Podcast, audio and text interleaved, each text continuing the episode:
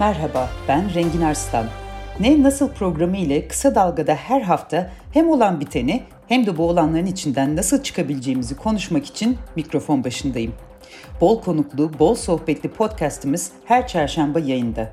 Kısa Dalga'da buluşmak üzere.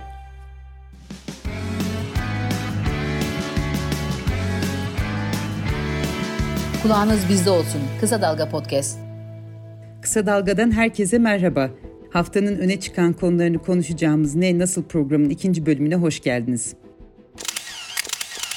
Bugün ilk gündemim Cumhurbaşkanı Recep Tayyip Erdoğan ile Amerikan Başkanı Joe Biden arasında Roma'da 31 Ekim'de yapılan görüşme. Türkiye ile ABD arasında yapılan her görüşme önemli.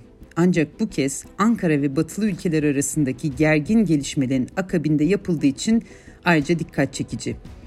Hatırlarsınız 10 batılı ülkenin büyükelçileri 18 Ekim'de ortak bir açıklama yaparak tutuklu iş insanı Osman Kavala'nın serbest bırakılmasını talep etmişti. Bu ülkelerin arasında ABD de bulunuyordu. Bunun ardından yaşananlar bana tam olarak Luna hız trenlerini anımsatıyor. Biliyorsunuz bir anda yukarı çıkar bir anda aşağı iner.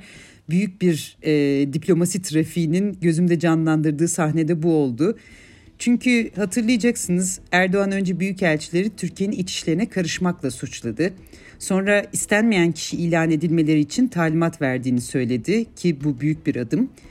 Ondan sonra Dışişleri Bakanı Mevlüt Çavuşoğlu'nun sonradan söylediğine göre büyükelçiler tam bavullarını topluyorlardı ki kriz yine 10 büyükelçinin yaptığı bir açıklamayla sona erdi.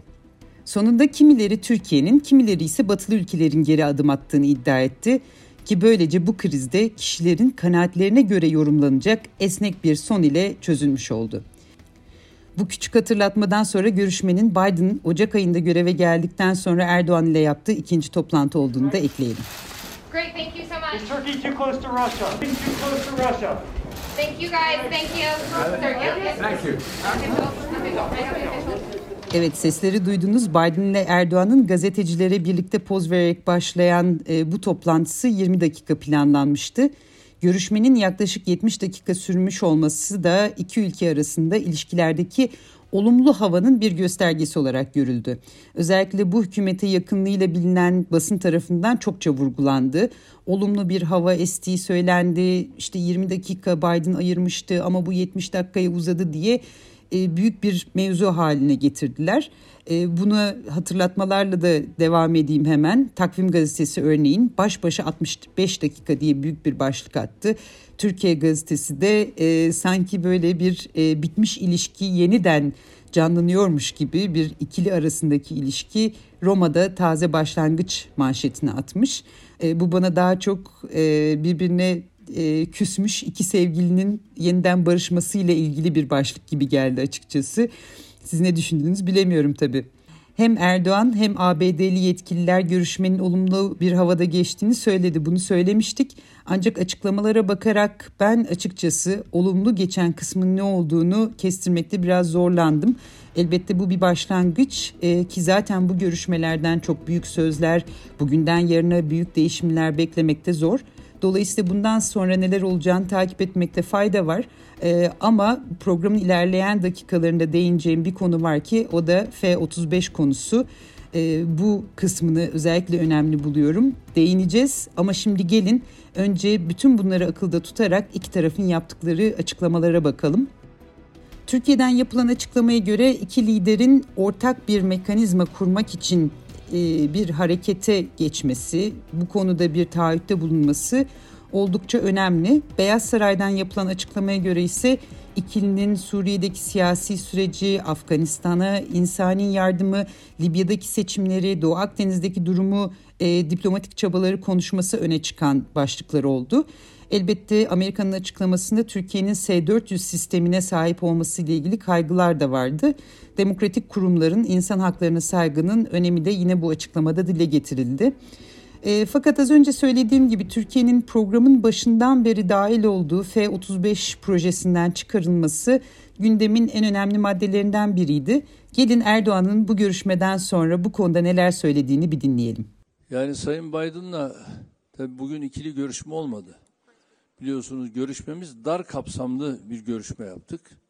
Ve bu dar kapsamlı görüşmede de bu F-35'ten kaynaklanan bildiğiniz gibi bizim 1 milyar 400 milyon dolar bir ödememiz vardı. Ve bu ödemeden hareketle biz bu süreci nasıl iyi bir konuma taşırız? Bunun üzerinde durduk. Bunun üzerinde de daha çok F-16'lar gündeme geldi. F-16'ların elimizdekilerin modernizasyonu veyahut da yeni F-16'lar verilmesi konusu gündemimize geldi. Bağımsız, objektif, kaliteli haber. Kısa Dalga Medya. İşte bugün üzerinde duracağımız bol sıfırlı ve bol F'li konu bu. Öncelikle Türkiye'nin almak için 1.4 milyar dolar ödediği F-35'ler konusunun geleceğine bir bakalım. Hangi noktadayız onu bir hatırlayalım. Görünen o ki Türkiye bu savaş uçaklarını alabilme ihtimalini artık görmüyor ve ödediği parayla Ankara'ya F-16 verilmesini veya mevcut F-16'ların modernizasyonunu istiyor. E, hatırlayacaksınız Türkiye'nin Rusya'dan S-400 hava savunma sistemi almasının ardından ABD'de e, bir yaptırım kararı alındı. Ve bunun bir parçası olarak Türkiye en başından beri parçası olduğu e, bu programdan çıkarıldı ki F-35'ler için Türkiye parça da üreten bir ülkeydi. Dolayısıyla sadece uçakları almıyor aslında Türkiye'de bir e, bununla ilgili üretim aracılığıyla e, bir gelir de elde ediyordu. Bir e, kazancı da vardı. Geçen günlerde Reuters haber ajansı Ankara'nın bu F-35 için verilen paraya karşılık 40 adet F-16 uçağını satın alma ve 80'e yakın uçağın modernizasyonu içinde talepte bulunduğunu söylemişti. Ee, şimdi bakalım F-35'ler için ne kadar ödedik? Şimdi bu miktar 1.4 milyar dolar. Fakat e, bunun TL karşılığını bugünkü kur üzerinden de söyleyeceğim şimdi. E, özellikle belirtmek istediğim nokta şu ki örneğin e, bir gazeteci olarak bile benim zihnimde 1.4 milyar dolar canlanmıyor. Bunu bir kıyaslama ihtiyacı duyuyorum. E, o yüzden şöyle bir kıyaslamaya gideceğim. E, bütün telaffuz ettiğim miktarları asgari ücretle üzerinden bir birim alarak asgari ücreti bir birim olarak değerlendireceğim.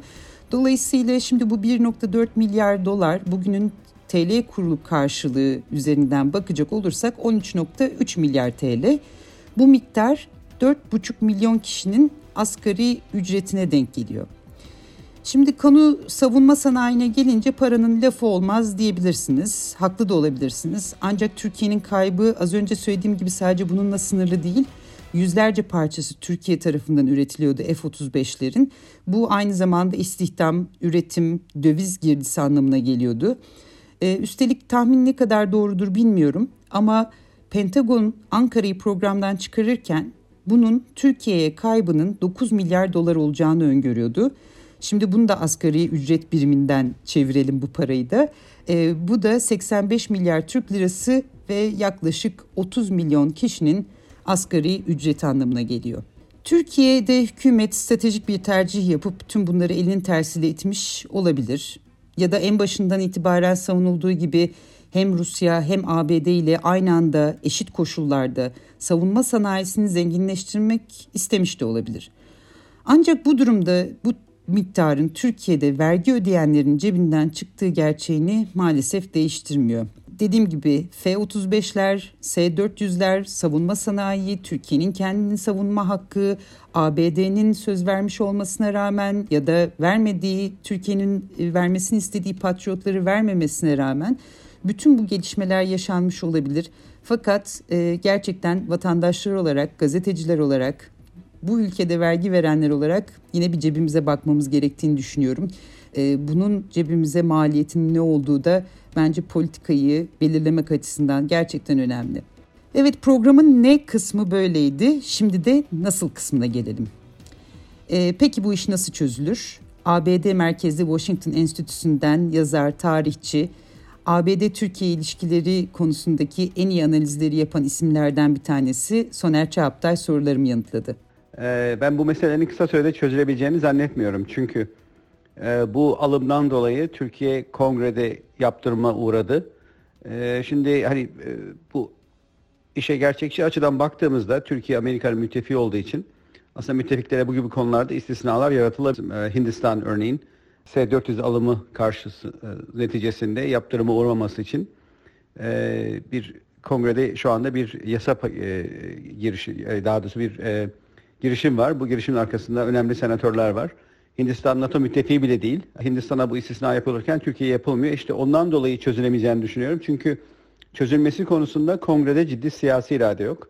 Ee, Beyaz Saray'ın ben bu konuyu çözmek istediğini düşünüyorum. Ancak Amerika'daki güçler ayrımı ilkesini göz önüne aldığımızda kongrenin onayı olmadan Beyaz Saray tek başına evet diyemiyor. Kongrede Türkiye'ye karşı savunma meselelerinden bağımsız olarak negatif bir hava mevcut.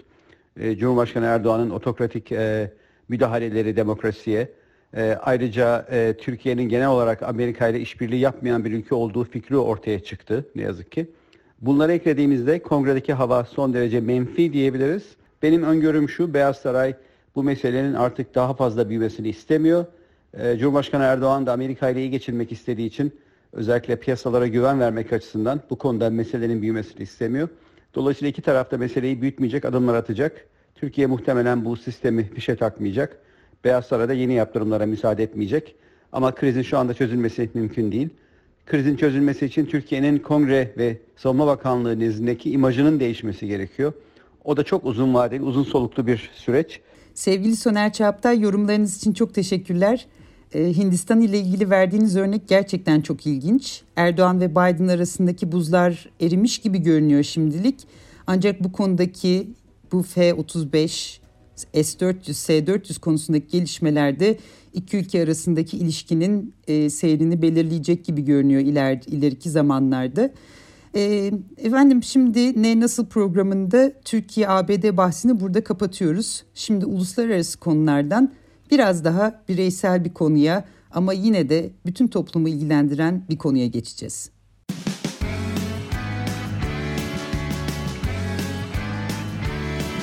Kulağınız bizde olsun. Kısa Dalga Podcast.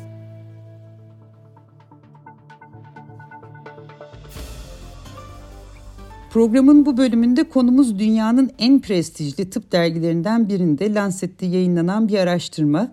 204 ülkeden farklı yaş ve cinsiyet gruplarının pandemiden nasıl etkilendiğini e, inceleyen bir araştırma yapmış dergi. Bunun sonuçları Türkiye açısından oldukça ilginç.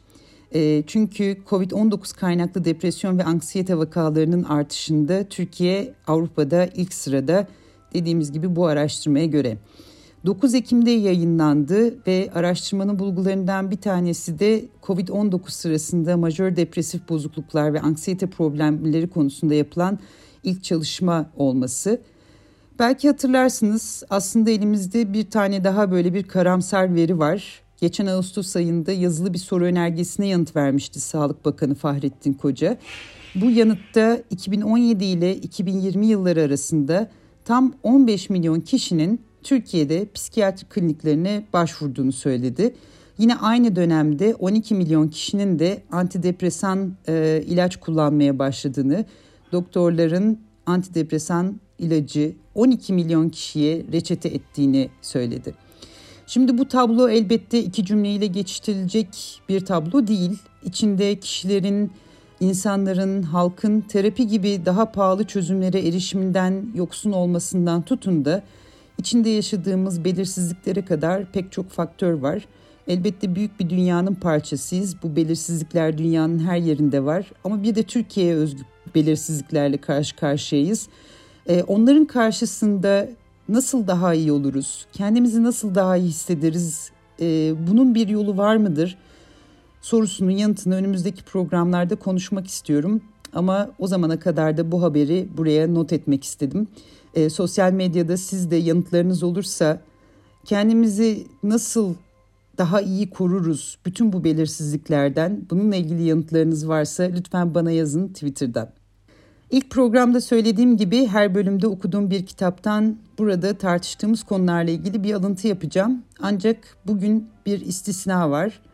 O da 31 Ekim'de hayatını kaybeden sürgündeki bir yazar Doğan Akanlı'nın sesiyle baş başa bırakacağım sizi bir kitaptan alıntı yapmak yerine. Akanlı yıllarca adım atamadığı ülkesine babasının hasta olduğunu öğrenince 2010 yılında gelmişti. Belki siz de hatırlarsınız haberlerden. Çünkü İstanbul'a ayak bastığı anda tutuklanarak cezaevine gönderilmişti. Tahliye talepleri kabul edilmedi. Bu süre içerisinde Akanlı hasta babasıyla görüşemedi.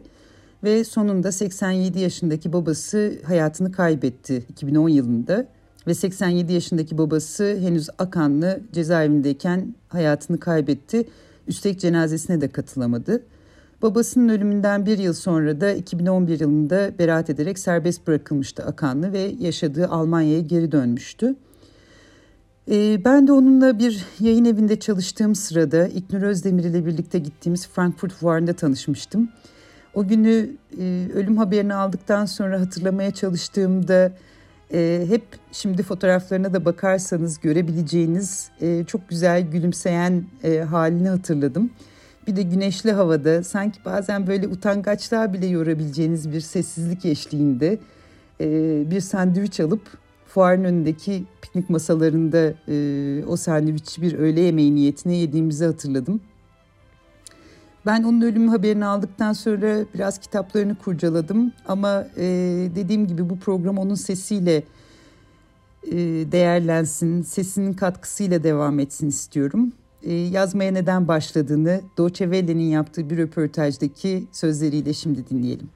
Ben yazmaya Almanya'ya geldikten sonra başladım. Türkiye'de e, işkence görmüş bir insan olarak geldim. Sadece ben değil, benim eşim de çocuğum da bu işkenceye maruz kaldı. Yapabileceğim tek şey yazma silahını kullanmaktı. Aslında başka bir yol yoktu ee, ve o benim için bir haksızlığa karşı e, sesimi yükseltme ve direnmenin bir e, aracı oldu.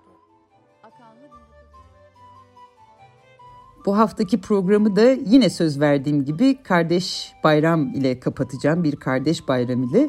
E, bu programlarda bu bayramları hatırlamak bana hem Anadolu'da yaşayan kadim medeniyetlerin yılın her ayını nasıl bir bayramla donattığını hatırlamak için hem de üzerinde yaşadığımız bu bereketli toprakların bayramlarını kutlamak için bir vesile e, olur diye düşünüyorum. Bu vesileyle de e, bugün Ermenilerin kutladığı bir günü, özel günü anacağız.